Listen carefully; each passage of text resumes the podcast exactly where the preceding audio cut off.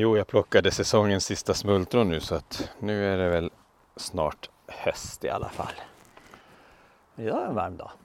Ja, det här är ju underbart tycker jag. På Ja. att sitta här på dina vara- veranda och bara med en kopp kaffe och lite nyplockade smultron. Ja, Det är lyx. det är lyx. Det är verkligen vardagslyx. Det gäller bara att ta kort på det så att vi har med det, så att vi kommer ihåg det. ja, Så kan vi det. få ett minne nästa år. Ja, den här tiden förra året satt du på verandan. Jag brukar tänka på det här skämtet. Jag visade det tror jag. Att det var en kille som har fått en ny här aktivitetsklocka. Ja. Och han skröt om alla tusen funktioner den hade.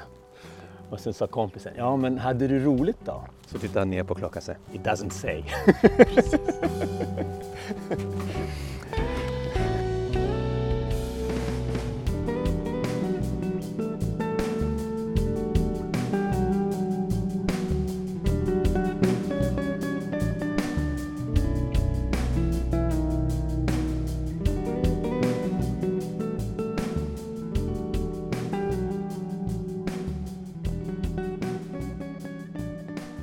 Ja, men det, det är ju så sant tycker jag. Det att, eh, samma sak gäller de här minnena man får. Jag vet inte om du lagrar dem på nätet, men ofta får man ett minne om det för ett år sedan gjorde du det här.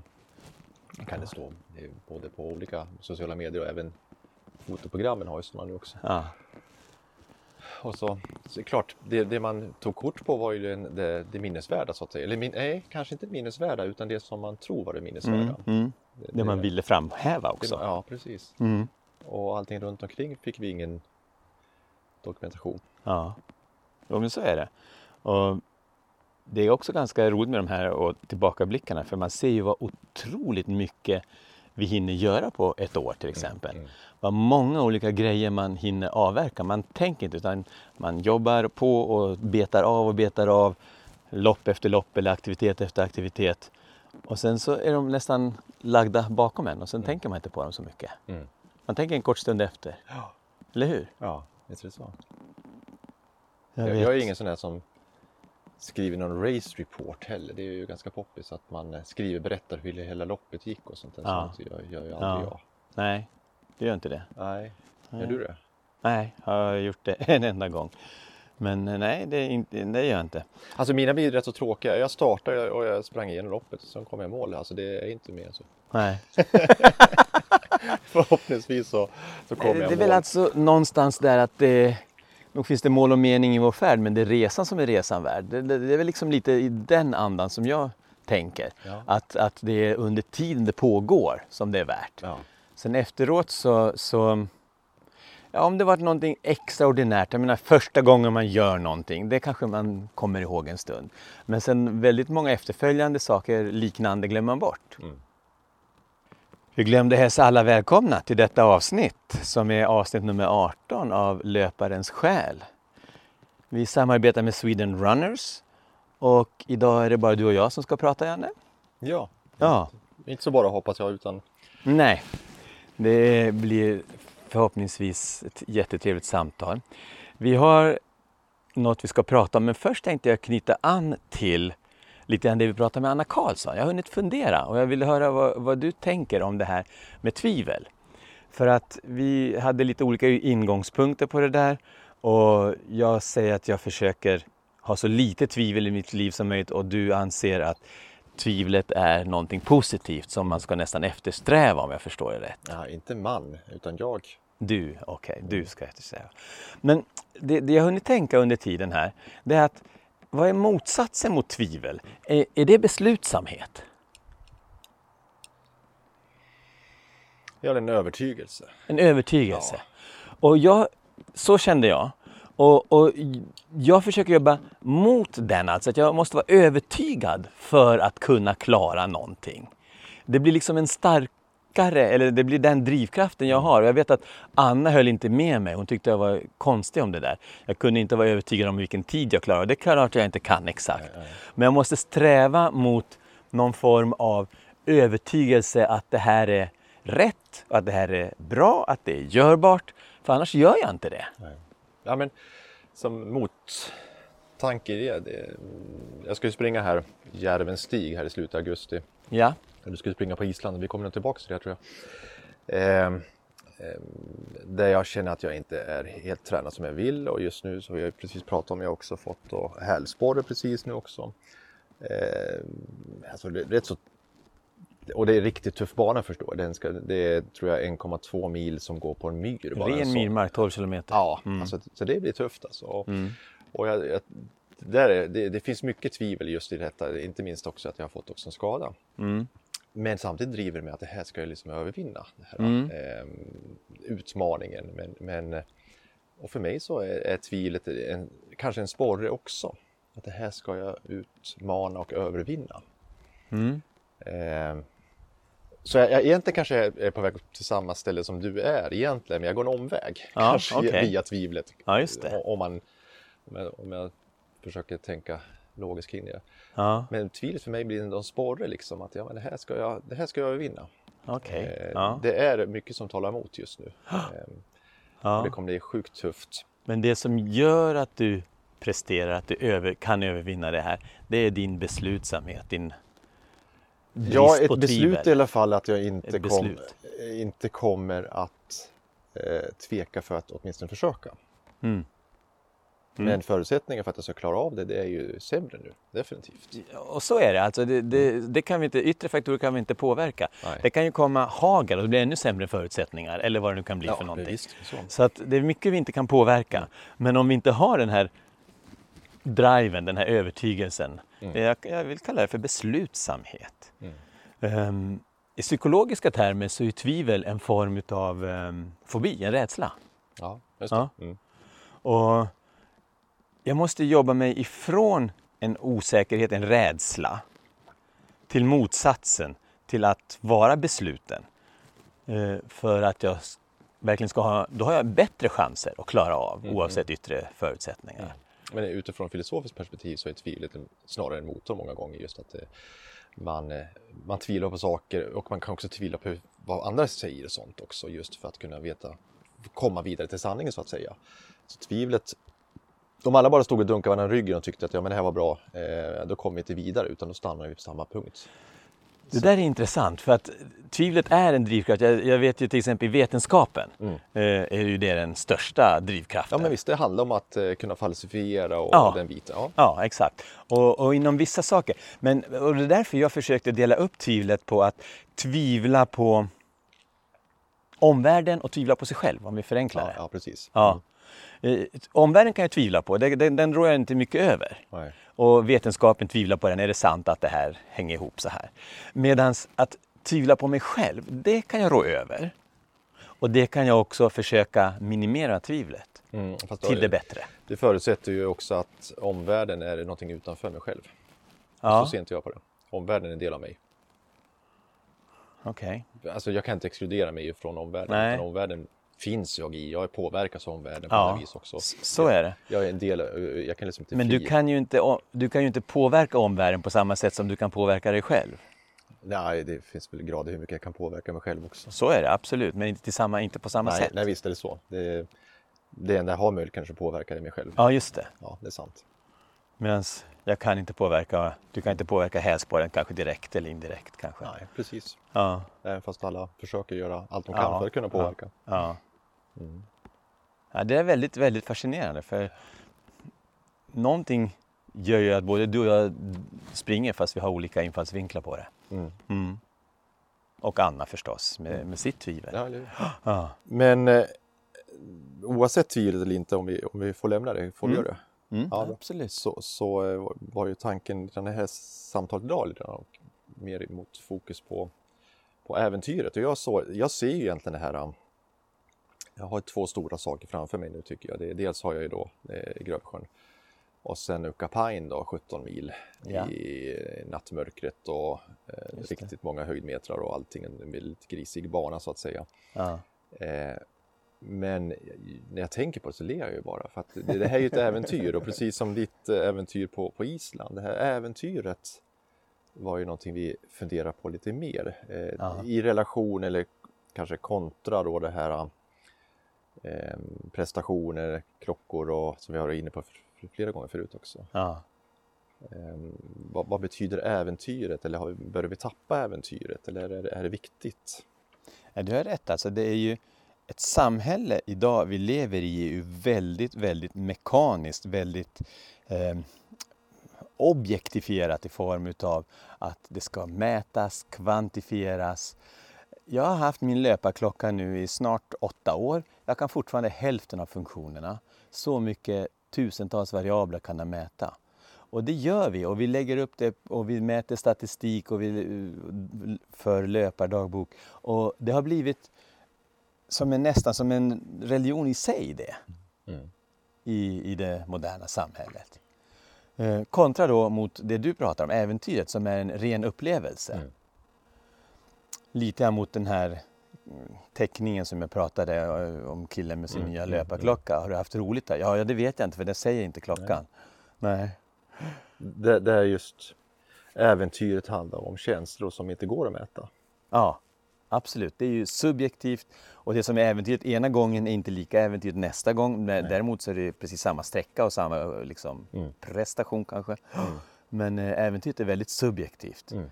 Och, mm, jag tror att det finns fördelar med att kunna kvantifiera. Det finns vetenskap. Vi har tillgång till massa data. Vi, vi, har äntligen börjat få klimatmodeller som förklarar jordens uppvärmning och allt det där.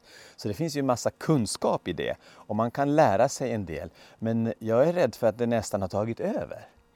Jag tror att vi måste kategorisera in människor som trä, tränar i olika kategorier helt enkelt. Vi har ju de som verkligen är på maxnivå. De har väldigt stor hjälp av, av, av den här datan. Ja. Eh, alltså de som tävlar på i elitnivå för att kunna skapa en halv sekund eller ja. några minuter. Ja. Där, tror jag klockan är väldigt viktig och de här verktygen för att just kunna veta hur ska vi göra med steglängden etc. Eller kadensen man talar om. Eh, men det har ju också halkat ner att alla ska eh, titta på sin data och försöka tolka den. Och, och det ser vi till exempel, ja, med skicka in eh, din DNA-profil så vi kan mäta också hur, ditt ursprung, hur många delar ja. är det och, ja. och, och, och, det finns, och dessutom skicka in så du kan veta om eventuella sjukdomar du har om det finns. Just det. Alltså, det bygger ju mycket på snarare rädsla ska jag påstå. Jag vet inte om ja. det är så positivt alla gånger att behöva veta allting men i ett kunskapssamhälle så, det, så tror jag att människan tror att veta allting är bra. Ja. Det, ja. det, det så är det. Men Precis. frågan är hur mycket vet vi egentligen och det har vi varit inne på också någon gång. Men... Om man pratar om det här med DNA-analys så finns det ju såna amerikanska firmor som eh, erbjuder att man kan ta reda på sin härkomst ja, DNA-mässigt. Ja. Och börjar man titta närmare på det här så det enda man kommer fram till ju mer data man samlar in om sig själv, ju fler sådana företag man konsulterar, det är att alla kommer överallt ifrån. Ja, ja precis. Ja, mm. Vi är liksom släkt med alla. Jag är släkt med dig tre, ja. 13 generationer tillbaks och så vidare. Ja. Så att det spelar ingen, det, det, ger ingen ytterligare kunskap egentligen. Det ger en, en fördumning nästan ja, på grund av all kunskap. Ja, men hur blir det fördummat tycker du?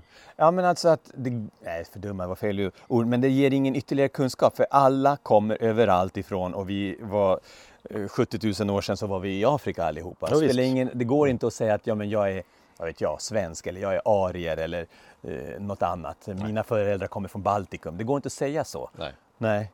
Ja, visst, och det, och det vet man egentligen om. Innerst inne vet man om det, men ja. någonstans vill man ändå veta ja. lite mer. Samma sak om vi nu går tillbaka till träningen, att vi kan just mata in allt. Det, det finns ju en trend, det här quantified self, eh, alltså det finns ju extremfallen som mäter, alltså människor som mäter precis allt.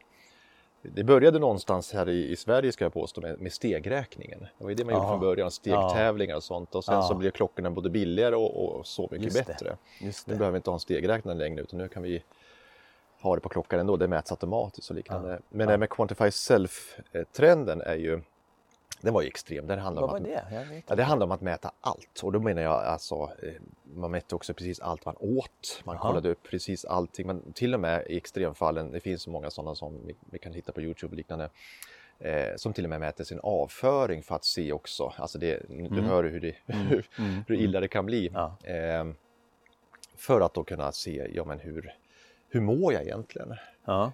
Och då är vi inne på det här just att man, man tittar på alla data och så försöker man, precis som du pratade om inledde här med, med just det, hur, hur var det kul eller inte. Ja. Men vi försöker få all, all, all, data för att kunna veta hur mår jag istället för att kanske bara tänka efter och ja. fundera på ja, hur mår jag egentligen. Ja, just det. Um, du menar att man tappar någonting med om man kvantifierar för mycket? Jag tror att man tappar eh, sig själv. Och sen så går vi in och så ber vi andra, hur ska jag tolka den här datan? Så låter man andra hjälpa till att tolka datan också. Ja. Och DNA-profiler och liknande, eller jag får veta om jag eventuellt har anlag för en eller andra sjukdomar. I vissa fall kanske det kan vara viktigt om man har en ärftlig sjukdom som, som, som är svår. Där, men många gånger så bygger det snarare på att man blir mer rädd och kanske blir rädd för livet också. Nu är det risk att jag, att jag trampar folk på tårna här när vi pratar om den biten. Det är alltid men... risk att man gör. Men, men det ligger väl någonting i det där att lyssnar man på datan för mycket så glömmer man att lyssna på sig själv. Man, man tappar bort sig själv. Men, mm. ja, men hur kan jag få häls på det? Jag har ju bara gått 10 000 steg den här veckan. Jag gick ju 40 förra veckan ja. eller förra månaden. Eh, så lite grann. Mm. Jag borde inte få det. Alltså att man tappar, glömmer bort att lyssna på sina egna både mentala och kroppsliga signaler. Ja. Nej, och jag tänker nu när jag fick häls på det här, det är alltså bara fem, sex dagar gammalt eller nytt för mig. Mm. Och jag, det här räknar jag in i, i äventyret snarare. Mm. Ehm, jag vet om att det skrivs hur mycket som helst på nätet och det finns tusen och, och miljoner tips på vad man ska göra. Mm. Och eh, en del tror jag kanske kan vara kloka men jag tror att de flesta kommer ändå inte gå på eller satsa på utan försöka, jag, jag kommer försöka träna vidare och försöka hitta min väg i det här. Ja. Men det är en del av äventyret och jag kommer om två veckor köra loppet ändå. Ja. Så får vi se hur det går med förhoppning om att det kommer att gå bra. Ja. För jag är ute efter äventyret och då får i det här fallet är det ju en, en mindre skada, jag kan springa. Eh, då får det inkluderas i äventyret ja. istället för att exkludera mitt äventyr. Det är väl en häftig inställning. Att det blir en del av upplevelsen. Ja. Att man tar det som något positivt snarare än som bara negativt. Ja, det ska bli jättekul att se. Vad, vad kommer hända? och det kan innebära att jag kanske är tvungen att bryta om jag får en sån smärta så jag känner att det här går inte längre. Mm. Men jag längtar efter att få ta den där myren och se vad den innebär mm, och, mm. och, gå över vadställena som jag vet kommer att finnas också. Det är bara att mm. gå rakt över vatten och det finns rep som är upphängda för att man ska kunna in, inte dras med vad jag förstår. Vad spännande! Eller hur? Ja. Det blir lite sugen Verk, va? Verkligen äventyr. Om, om jag är otroligt sugen. Jag tycker sånt där är roligt. Jag uppskattar ju upplevelserna. Jag, jag springer ju för upplevelserna mm. väldigt mycket. Och jag älskar äventyrslöpning, sådana där nya ny, nyheter. Det, det är ju en positiv drivkraft mm. i min löpning. Så det hade jag gärna varit med på. Men du ska ju till Island här om några veckor du också och springa. Ja, om två veckor. Fem dagar, fem mil per dag. Sex dagar, eh, ja. ungefär fem mil per dag. Ja, ja, i genomsnitt. Lite olika dagsetapper. Och du har tänkt att ha en tid på? jag räknar inte tid. Jag vet inte vilken tid jag ska ha. Jag, ehm, det är mitt första flerdagarslopp egentligen.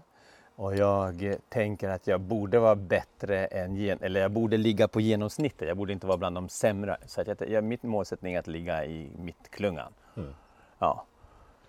Och sen eh, är det så mycket som man behöver få erfarenhet av. Men jag är där för att uppleva Island löpande. Inte för att vinna en tävling på Island. Nej. Nej. Nej. Så det är skillnad. Bland annat så var de tvungna att dra om bansträckningen för nu var det lava på en del av den gamla banan. Oh, vad roligt! Ja, alltså, ja. ja sånt är jätteroligt. Vad häftigt! Ja, det var häftigt. Så det blir väldigt spännande. Ja, det är ett fantastiskt land och det är ju, jag har hört, fast jag kan ha fel i det, men jag har ju varit där en gång i alla fall, men att de säljer ju inte paraplyer där i Island. Jag har säkert fel, det finns säkert köpa paraplyer. Men det är för att regnet, kom, regnet kommer aldrig uppifrån, det kommer liksom från sidan. Ja, alltid. Och det, det minns jag, jag tog en löprunda där för många år sedan. Ja. Jag tror jag upplevde, under den timmen så upplevde jag alla vädertyper. Okay. Jag skojar inte, det, det var eh, så svängigt väder alltså. Ja. Och då var jag ändå bara Reykjavik och sprang. Så att... Ja, ja, det är en av utmaningarna. Men jag har också hört det där, det regnar vertikalt eller horisontellt, så är det. Mm. Ja. Så det, det, är en utmaning. En annan utmaning är att bära med sig mat för den där tiden. Det väger ju ap mycket. Ja, men eh, det är väl en del av äventyret också? Ja, jo då, absolut. Det är det. Se hur mycket mat man kan bära. Men vad är ett äventyr? Jag varit nyfiken, jag kommer att tänka på själv. Vi säger, sitter och mm. säger ett ord. Vad, vad är ett äventyr? Ett äventyr är väl någonting när man testar sina gränser och inte riktigt vet om man klarar det, tror jag. Mm. Om man gör någonting utöver sina erfarenheter som man inte har så mycket erfarenhet av och där det finns en hög chans snedstreck risk att misslyckas. Det kan jag tänka en definition av, av äventyr. Eh, om det är någonting som jag är tämligen säker på att jag klarar. Jag klarar ett maratonlopp, även om det kanske blir på en helt annan tid än jag tänkt mig. Det är inte lika äventyrligt. Nej. Eller hur tänker du? Nej, jag, jag, jag, jag famlar här märker Ja. jag. Eh, Nej, men jag, jag tror att det handlar mycket om den här osäkerhetsmomentet. Mm. Eh, och det behöver inte vara löpning, det kan vara ett äventyr att klättra upp på ett berg eller Mm, vad som mm. helst. Ja, precis. Som, Men- där man touchar sina gränser, Mm, sina jag håller nog med. Och att man, förmågor. eller, jorden runt-resan som, som många har gjort, att det är ett äventyr. Jag vet inte vart det kommer att vara. Och alltså, många osäkerhetsfaktorer Ja. det handlar om. Och där kroppen, i det här fallet, vi pratar löpningen, alltså hela tiden är det, kan vara en begränsning. Att jag Ja. inte kan orka mig genom de 84 kilometrarna för att det är så många höjdmeter eller myren som kommer, kommer att ta mig och mina ben och liknande. Ja, just det. Och det är väl det som är äventyret, att se hur man kan hantera varje moment som utmanar en. Mm. Det sägs ju att ultralöpning är inte så mycket fråga om löpning som att klara av oväntade händelser. Mm, precis. Och det tror jag är viktigt att komma ihåg när man är mitt i det. Ja. Påminna sig Ja. själv om att det här är ett äventyr. Ja. Istället för att Exakt. Frågan kring tvivel här. Men, alltså, men istället för att känna att oj det här var tufft, det här går inte. Eh, och, och, och, och vilja bryta. Ja. Istället vända till att säga att ja, men det, det här var ju äventyret jag var ute efter. Där är du något väldigt viktigt på, på spåren tror jag. Ehm, Just det här att ha det, den inställningen, mindsetet, att se det som en utmaning och som en del av äventyret istället för att se det som ett eh, eh, vad heter det, bakslag. Mm. Om jag nu plötsligt får, vad vet jag, dåligt väder eller sulan på min sko går av, hur gör jag då? mm. Istället för att säga att äh, nu ger jag upp, så måste jag hitta en lösning för att sätta fast skola, sulan igen, skosulan. Ja, det var ju någon löpare här, lys- lyssnade på Ultraaktuellt här som de- några program sedan som hade sprungit något lopp. Och hans skor gick sönder efter en mil eller liknande han skulle springa. Åtminstone 10 mil tror jag. Eh, Så att han sprang in på närmsta affär och så köpte han på nya Ja. som bara billiga löparskor så sprang han vidare. Det tyckte jag. Medan andra kanske just är så fast i den här skon och skon gick sönder, ja, de här skulle springa med. Ja. Det är kört, Ja. jag lägger av. Istället för att hitta en annan strategi. Och det är intressant hur man kommer på sig att ha den inställningen, att man, hur man kan öva upp den inställningen, tror jag, träna på det. Kan man det? Ehm, för det har jag upplevt, tror jag, en förändring långsamt under min löparkarriär, att man kan bli bättre på det. Mm. På det oförutsedda helt enkelt. Ehm, Även när man springer riktigt långt och man får sina svackor så tänker man att nu ger jag upp. Eh, Men istället så, så vet man att det här kommer gå över, det här blir bättre. Jag tar en bar och så, så fortsätter jag. Lite också av en träningssak mentalt och det som driver oss på långa sträckor eller även på kortare säkert. Jag sprang här eh, med som ledare här på ett ultraläger. Vi sprang mellan eh, Grövelsjön och Sälen här för några veckor sedan. Mm. Eh, 18 mil på fyra dagar. Eh, Då hade jag fått med mig då, eh, av Marcus här på Sweden Runners, var han som höll i det hela. Jag hade fått med någon bar som jag aldrig ätit någon gång. Så Det var någon peanut historia. Så det var. Och sen när jag åt det, alltså det var det värsta jag ätit alltså. Alltså jag kunde inte låta bli att skratta. Jag tänkte, vad är det jag trycker i mig? Men samtidigt var det som roligt och det var säkert mycket energi i det hela, det, det förstår du. Jag, men alltså det, var, det bara svällde i munnen och så skulle jag precis ta kort samtidigt och jag såg ut som jag vet inte vad. Men det var lite kul för att jag tänkte att det här var ju roligt. Eh, Ja. Istället för att bara spotta och tänka vad har jag fått i mig för någonting. Ja. Så det tänkte jag, man kanske ska stoppa i sig lite, eh, helt fel egentligen, men ta- med sig lite saker som är lite oväntat när man eh, springer någonstans för att liksom bara boosta upplevelsen. Att Ja, det här var ju kul. Eh, med risk att magen pajar kanske, så det kanske är ett dumt tips. Men Nej. Men, men det, det är det här, man brukar ju säga att man utvecklas genom att stiga utanför sin komfortzon. ja, Och det är väl lite grann det vi pratar om nu. ja, ja. Och stiga utanför sin komfortzon. Men då måste man ju tappa kontrollbehovet Ja, i hög grad Ja. också. Ja. Och där är ju någonting som många kämpar med, att jag ska ha kontroll på allting. en del är ju en del vågar inte ställa upp i tävlingarna för att man vill ha sån kontroll på tävlingen så att därför så känner man att man inte orkar. Nej. Alltså man går igång mentalt så det, det är så jobbigt mentalt. ja. Ehm, och det där måste väl du känna folk med kontrollbehov Ja, och sånt ja, också. oh ja, absolut. Ehm, finns- Hur kan man hantera sånt att släppa kontroll kontrollen och liksom bara låta sig ge sig här äventyret.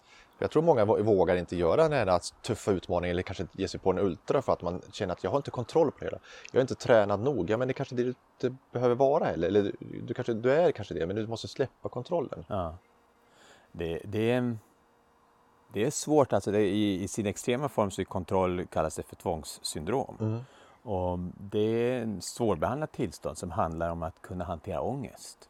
Sin egen ångest inför det okontrollerbara. Mm. Ehm, jag måste öva på att stå ut med det precis som jag övar mig på allt annat. Ehm, jag kan inte kolla spisen tio gånger. Ja, jag måste stå ut med att den, jag lever i osäkerhet. Mm. Fast jag har kollat den två gånger. Jag läste någonstans, ju fler gånger du kollar desto mer osäker blir du. Ja, ja, ja. ungefär så är det. Ja. För du bara ökar på ångesten. Du kan inte med rationella medel släcka ut den. Nej. Det är som att vara rädd för spöket under sängen. Man kanske vet att det finns inga spöken men man är rädd för den. För så. Eh, man må, det, det, går inte rationellt att, att argumentera bort utan man måste öva på ångesthantering. Det är det. Och det är samma sak här. Man brukar ju säga att vem som helst kan hantera ordning, eller hur man säger, men det krävs en mästare för att hantera kaos. Mm, mm. Ja. Och det är väl lite så både på på ditt lopp här nu. Kaos blir det väl kanske inte men det blir utanför Det kommer bli kaos, det är jag helt säker på. men att hantera det okända, det osäkra. Ja. ja.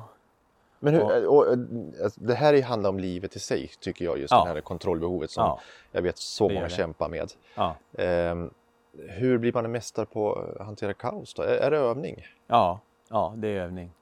Eh, jag vet inget annat än det som vi kallar för terapi och det, terapi är ju övning. Mm. Oavsett om man kallar det för kognitiv terapi eller beteendeterapi eller psykoterapi, vad det nu är för sorts. Man övar på olika sätt mm. att hantera den där ångesten. Det,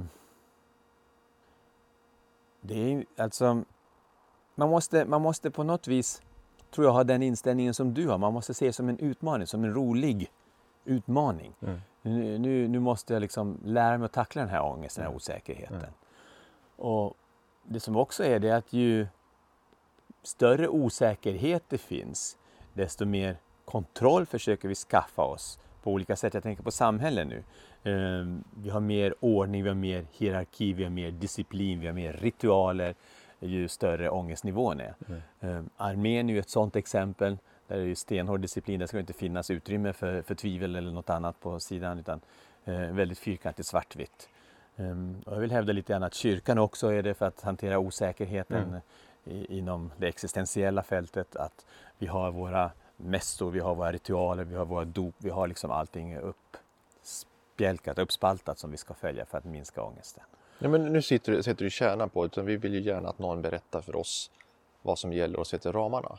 Sa att någon berättar för någon oss? berättar oss för vad, hur man ska göra, vad som är sant och vad som är riktigt. Alltså, ja. Vi pratar om militären, alltså jag får order och den ordern är, kan jag inte ens på något vis tvivla på utan det, den, den, är absolut. Ja. Eh, äventyret är ju totalt tvärtom. Ja. Så att säga. Precis, exakt. Men det är väl, och då kommer vi tillbaks till det här med klockan eller DNA-profilen vi pratade liknande. Alltså vi vill så gärna att någon annan berättar än en gång vem är jag? Mm. Mm. Eller hur ska jag göra mm. i livet? Mm. mm. Och försöka undvika att lämna någonting åt slumpen. Mm. Så är det och, och, vi har alla mer eller mindre av det där tror jag. Men jag tror att det är ganska omoget sätt att tackla omvärlden egentligen, alltså om vi pratar om den personliga utvecklingen. Det är på ett barns nivå. Föräldrarna ska tala om vad jag får göra och inte får göra. Mm. Um, det, och det finns väldigt många som är sådana. Jag menar, jag tänker på hierarkiska nynazistiska organisationer. Någon talar om för mig hur det är. Liksom. Mm. Um, och jag ser det som ett omoget sätt, eh, en omogenhet i vår personlighet att inte ha kunnat, haft förmågan att kunna tackla den här ångesten. Mm. Där man har stannat kvar i den fasen. Där Men, man vill den som, då, den som vill då anmäla sig till att vara med på ett lopp, vi behöver inte säga tävling utan ett lopp mm. snarare, mm. att, att en aktivitet som är organiserad för att springa till exempel en viss sträcka. Mm. Men då känner det här att ja, men jag har inte kontroll på allting utan eh, vad ska den göra? Alltså, den, det... den har ju kommit längre för han vill ju testa, eh, han vill ju utvecklas och mm. vill hantera osäkerheten. Mm. Så att det, det är ju en mognar, ett mognare förhållningssätt, mm. tänker jag. Okej. Okay. Ja. Det är värre om man inte ens vågar för att man ja. känner att jag har inte kontroll på alla bitarna. Eller... Ja. Jag menar, hur många i vår ålder känner du som inte vågar gå utanför tv-soffan?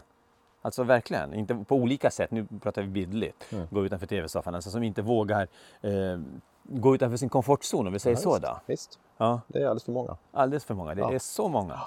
Och nu, och nu har ju vi själva klart också, nu ska vi inte sitta här på höga hästar, utan vi har ju våra begränsningar i vissa sammanhang också säkert. Ja, ja. Där, Oh, vi, ja. där vi känner att vi, vi gärna är kvar i komfort. Jag är i min komfortzon vad gäller löpning. Jag, jag gör ju väldigt få andra sporter för att jag tycker det här kan jag. Ja. Och jag tycker det är roligt också för den Ja. delen och därför vill jag inte i hög grad testa annat. Men jag borde ju. ja. Och det är kanske samma sak med problem jag har egentligen. Jag, jag borde cykla mer, jag borde styrketräna, jag borde, det, det vore så bra för min kropp. ja.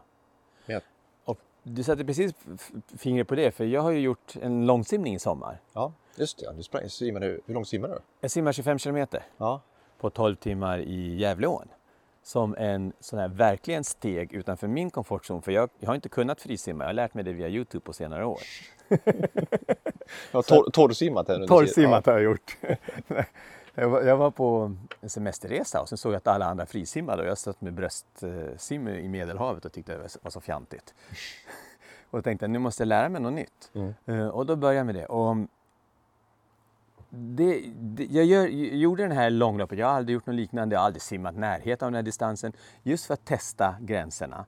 Eh, Just för att se eh, vad som är. Jag är lite rädd för vatten. Det var mörkt, dyrt vatten, fullt med bråte, fullt med sjunkna trän och stenar och allt. Så man stötte ju på någonting plötsligt och då gick pulsen igång och man var rädd och sådär.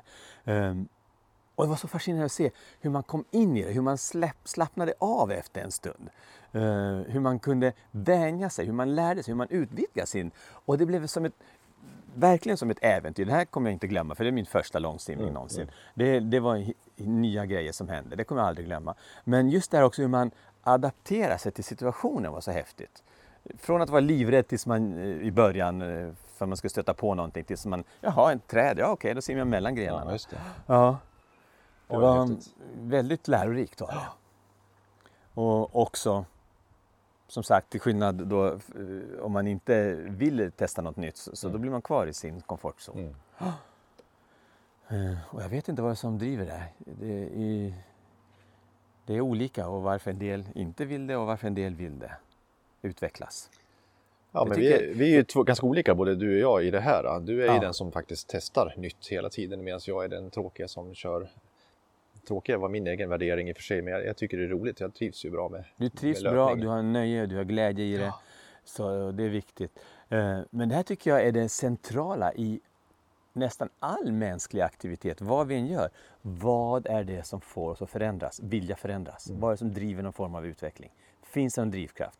Varför ska jag sluta? Om vi till exempel tar missbruk som ett exempel som jag jobbar med. Varför vill jag sluta dricka? Mm. Ja, vad är det som får mig att förändras men inte grannen? Mm. eller personlig utveckling eller viktnedgång eller vad du vill. Jag tycker det är otroligt Mm. central fråga. Sluta på det jobbet som egentligen inte är positivt. Ja, Och... ja. och eller destruktiva relationen eller vad som helst. Men många säger ju det här, ja, jag, jag har hört så många gånger, ja men jag vet vad jag har, jag vet inte vad jag får. Nej, och det är ångest. Det är ångest. Ja, det är ångest. I, Men- men I för min dem så- terminologi så är ångest ett ganska brett begrepp. Jag menar inte bara panikattacker utan jag menar en obehagskänsla som är psykisk som inte har någon grund. Mm. Eh, Så. Mm. Och det är klart det finns en grund för jag vet inte vad som händer, jag vet inte vad jag får. Mm. Det, det, det kan man kalla en grund, men, men, det, men det är liksom ingen, ingen farosituation egentligen. Nej, och med det synsättet så kommer man aldrig vidare. Nej, nej, Egentligen. nej. Nej, då kommer man aldrig Det vidare. kan vara allt ifrån att man inte vågar sig på loppet, ja, men jag tycker det är bra, jag tycker om att lunka på. Ja, Det kanske hade kunnat vara viktigt att ehm, testa gränserna. Det har vi pratat också förut om att, eh, eller att eh, våga det man kanske önskar. Nu ska vi inte säga att man ska göra saker bara för att, fast man inte vill. Men att det man önskar men inte vågar ja, ja. kan vara viktigt Och kanske. önskan, det tror jag de flesta har, drömmar. Ja, Ja, jag skulle vilja se bättre ut eller whatever, vara bättre utbildad eller ha en snyggare partner eller mindre elak partner eller vad det än är. Det kan finnas drömmar, det har vi. Sen eh, vad som driver att en del förverkligar dem och, och en del satsar hela livet på att förverkliga en dröm och andra inte satsar fem minuter på att förverkliga drömmen. Det fascinerar mig. det som fascinerar mig just nu det är vad är det egentligen vi pratar om? Varats olidliga lätthet. Ja, precis. Det, tanken var ju löpningen och äventyret. Och, men, men, men livet är ett äventyr. Ja. I bästa fall är Ja. det kanske ett äventyr. Löpning är bara en metamorfos för livet. Ja, ja. Ja, Det är det vi pratar om. Så det är sagt. det vi pratar om. Och eh, jag, jag tror inte heller att vi kan frigöra eller frisätta en viss del av, av livet i form av fysisk aktivitet utan det, det där med löparens själ tycker jag är ändå ett bra ord vi har hittat i vår Ja. podd här. Ja, Det handlar om vårt själsliga liv. ja, Där allting kan bli ohälsosamt som vi sett ortorexi och liknande när det tar över helt och hållet men också ångestframkallande när vi inte vågar eller vi jämför oss också. Det är det här också, alla andra är så mycket bättre. Eh, och vi ser ju tillbaks till de här fotona, man ser det bara positiva. Man ser alltid målgångarna där alla är så superglada. Vi ser sällan pinan Mm. som genomförs eller man känner under loppet. Det här har inte med löpning att göra utan det här har med lycka att göra. Men vi jämför oss hela tiden med folk. Vilket gör att vi tror att folk på medeltiden var så miserabla och olyckliga och eh, led och de slet i sitt anletes svett. Men de hade precis samma referensramar som vi, det vill säga grannen och grannens liksom byn och, och omvärlden. Och då hade de det som referensram och jämförelse med dem. Så att de var förmodligen, enligt mitt tyckande, var de precis lika lyckliga som vi är idag. Ja, och olyckliga. Och olyckliga, Ja. självklart. Ja. Så vi tror att vi har kommit liksom till någon form av eh, civilisationens eh, lyckoparadis. Det, det tror inte jag.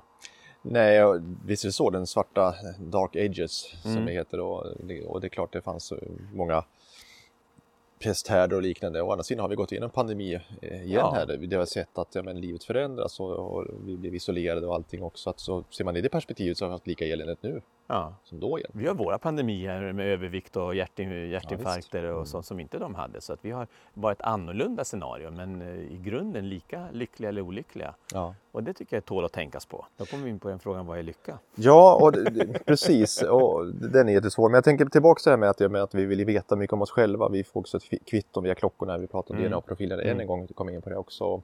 Vi vill på något vis också hela tiden se till att vi är så friska som möjliga Mm. och därför behöver vi datan för att veta det också. Vi går, Mm.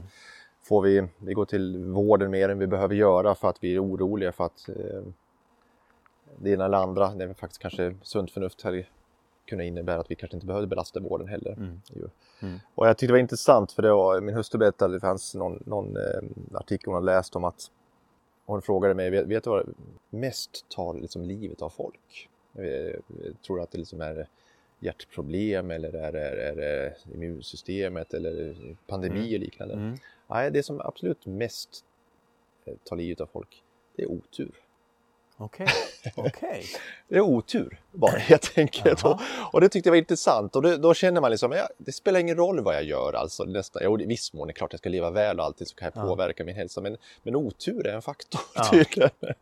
Då har vi dragit livet långt alltså när det är oturen som slår ut oss mest. Ja, Ja. väldigt intressant om det nu stämmer tycker Ja. jag väldigt intressant. Och det det innebär också, vem är det som vinner ett lopp? Ja, Den som det, inte... den som inte har otur Precis. helt enkelt. Eller den som genomför ett lopp. Och, och, och det där är ju spännande ultralöpning kan jag tycka. Jag var med och tittade när min son sprang eh, Björnfrossa här i början av sommaren. Och han låg ju på andra plats och långt före ligger och är ettan. Men, men han var ju tvungen att kliva av för grund av att han fick problem med benen. Han hade otur Ja, helt enkelt. ja, ja, just det. Jo. Och helt plötsligt förändras förutsättningar för, en- för en annan eh, som, som helt plötsligt ligger på första plats. Ja, Och det är som du säger en gång, vi kan inte kontrollera allting. Vi, mm, det är klart man får ångest om man försöker kontroll på allting, men till och med otur är en faktor om det Ja, nu är så är fallet. ja, men ja. Då kanske vi måste släppa kontrollen och säga okej, det får bli som det blir. det är därför det är en sån otroligt befriande inställning du presenterar här i början, Janne. Att se det som en rolig grej, även i otur, alltså även Ja. dina skador. Det är en sån skön och sund, frisk, tycker jag, inställning. Ja, det är roligt att höra. Ja, än så länge nu har det bara gått några dagar så då är man fortfarande positiv och tänker att men jag- vaknar upp på morgonen och tänker det ska bli spännande att se vad den här hälen, Ja. eh, foten, hur den känns idag. Och så Mm. känner jag okej det här har var kanske inte så bra som jag hoppades på. Mm, mm. Men nu när jag sitter här med dig så känns det toppen. jag. Så att, Ja, eh, det är bra det. jag har förhoppning om att det här kommer att gå bra och Ja. eh, jag, jag kör min, min smärttröskel eh, eller min, min smärtskala. Jag kommer att springa och kommer jag upp i en 8-9 i smärta, alltså av 10, ja, då kommer jag gå av helt enkelt. Ja. Då, för då, då går det inte för det är sån sjuk nej, smärta. Nej, det. Och jag vet att jag kanske kan skada ännu mer men, men ligger det Mm. på en femma, sexa så ja, men då kommer jag fortsätta Mm, mm. helt enkelt. Kanske folk tänker att ja, det där är bara gamla, den här tolkningen av optimisten kontra pessimisten. Men det här är något annat. Det här är inte att du är optimistisk. Det här är att du har en annan inställning till problemen, till eh, oturen Mm. eller till eh, besvären. Det är att ta dem som en del av livet, så som jag tolkar det. Ta Mm, det ja, som en del av visst. löpningen och, och eh, göra det bästa av det. Ja. Eh, Inte liksom någon klämkäck eh, att jag har ont i foten, jajamensan. Nej, nej, och jag tänker att eh, okej, det här var ju otur givetvis. Mm, mm, mm, mm. Och då får jag hantera och i vissa fall så kan man inte vara med på en, ett lopp i och med att om skadan är av en ann- annorlunda art. Mm. Så det, då har man brutit ben liknande, men då är det bara att ställa in helt Ja. enkelt. Det var otur, men så enkelt är det. Men Ja. Nu, nu är det inte så illa så att då får jag försöka hantera det och se om jag om jag kommer ha otur under loppet. ja, precis. Du kommer inte ha otur, du kommer fixa det där. Det är jag helt övertygad om. ja, precis. Jag får skriva en race report sen och berätta hur. ja, det får du göra. nej, nej, men eh, jag, jag söker äventyret. Jag tycker du ska kvantifiera din smärta under hela loppet. Ha en sån här VAS-skala och mät var tionde eller varje timme kan du mäta. Det kan jag göra. Jag ska ju springa med trevligt sällskap också så att det, det lär säkert bli... Eh, jag tänker så här, jag tänker fokusera... Jag, jag tänker att det kommer att bli så andra utmaningar så det kommer liksom... Ja, och Smärtan, sekundärt. det kommer, smärtan kommer sekundär i allt det andra som kommer Ja, finnas. Det tror jag också. Och det jag vill slänga med i den här eh, samtalet det är väl det här att jag vill uppmana folk att inte lyssna allt för mycket på quantifierbar self. För jag tror att då tappar man det andra, då tappar man mjuk, den, de mjuka värdena. Mm. Eh, njutningen, eh, lusten och det som jag tror är viktigast i längden. Och för jag, har ju pratat om att springa utan klocka. Jag springer aldrig utan klocka, jag, så det rådet säger jag inte. Däremot springer jag väldigt många gånger utan att titta på klockan. Ja, ja, ja precis. Eh, jag loggar det efter och tittar efterhand Ja. och ser, det var en överraskning. Oj, gick det så här Ja, fort ja. eller gick det så här långsamt? Eh, det kändes bättre eller det kändes sämre och ändå gick det så bra. Och då kan du också svara på frågan om du hade roligt under löpningen. Ja, precis. Mm. det är bra. Hörni allihopa, nu är det, avrundar vi så här. Jag tycker ni ska ha en bra avslutning på sommaren. Hoppas ni får en bra höst. Nu sätter alla löpargrupper igång. Alla Sweden Runners löpargrupper kommer igång. Jag önskar er lycka till. Och var gärna med på Borlänge gruppens nyuppstartade grupp eh, föreslår jag av de som bor i närheten. Vi alla andra, tills dess, löp väl, ha skoj där ute. Det ska du ha, Ja. definitivt. Det är bra, Tack. tack. Hej. Hej.